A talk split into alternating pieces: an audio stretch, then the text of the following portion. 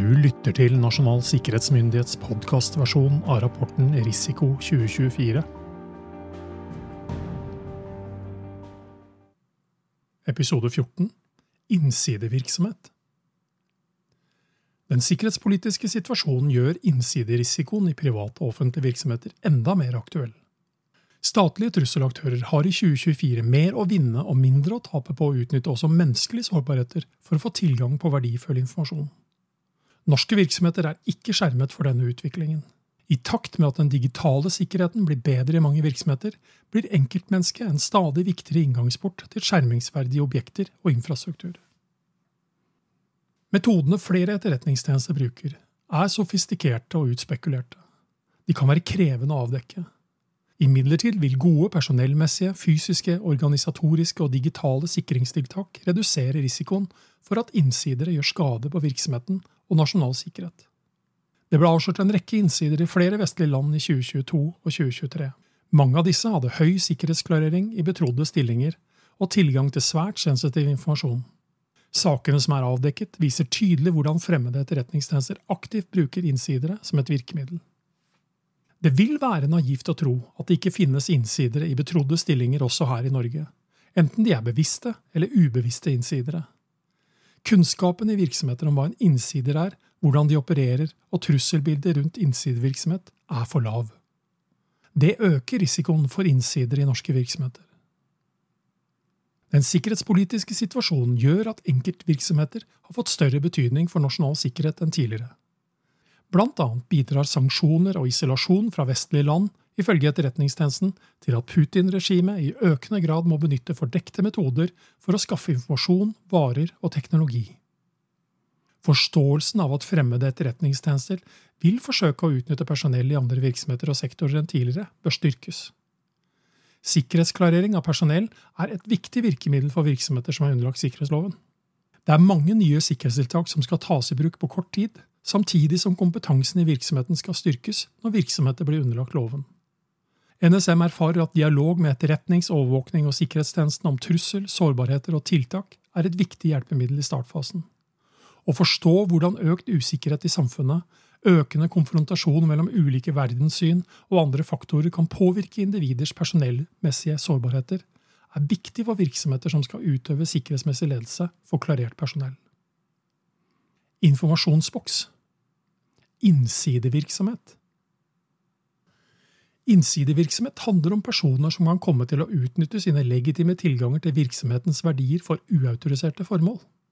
En innsider kan være en nåværende eller tidligere ansatt, konsulent eller innleid, som har eller har hatt en legitim tilgang til virksomhetens systemer, prosedyrer, objekter og informasjon, og som misbruker denne tilgangen på en måte som påfører virksomheten tap eller skade. Informasjonsboks Den bevisste og ubevisste innsideren. Den bevisste innsideren er en person som med forsett utnytter egne legitime tilganger for ondsinnede formål på vegne av seg selv eller andre. Personen kan være drevet av egne motiv som misnøye, hevn, ideologi, økonomi eller annet. Det kan også være en person som er rekruttert eller i verste fall presset av en statlig eller ikke-statlig trusselaktør.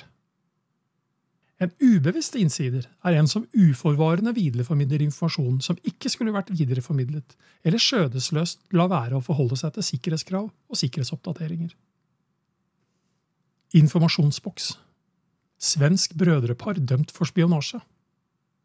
To iranskfødte brødre i Sverige ble dømt for grå spionasje til fordel for den russiske militære etterretningstjenesten GRU i 2023. Den eldste broren ble dømt til livstid i fengsel. Han hadde i flere år jobbet for det svenske etterretningspolitiet, Säpo, og den svenske militære etterretnings- og sikkerhetstjenesten MUST. Den yngste broren ble dømt til ni år og ti måneders fengsel. Ifølge tiltalen har de to spionert for GRU siden 2011. Begge nekter straffskyld. Informasjonsboks. Personelloppfølging reduserer innsiderisiko. Jack Texera, en IT-spesialist i det amerikanske forsvaret, ble i 2023 siktet for å ha delt graderte forsvarsdokumenter om Russlands krig mot Ukraina, samt annen gradert informasjon i chattegrupper på sosiale medier. Dette er en av de mest alvorlige, kjente lekkasjene av hemmeligstemplet informasjon i USA på mange år. Texera nekter straffskyld. Etterforskningen avdekket at en bedre personelloppfølging av Texera kunne ha stanset lekkasjene tidligere.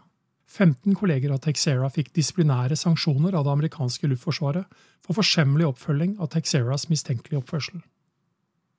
Informasjonsboks Risikoreduserende tiltak i ansettelsesprosesser til stillinger som ikke krever sikkerhetsklarering. NSM får mange spørsmål om hvilke grep virksomheter bør foreta når de ikke har adgang til å sikkerhetsklarere personell.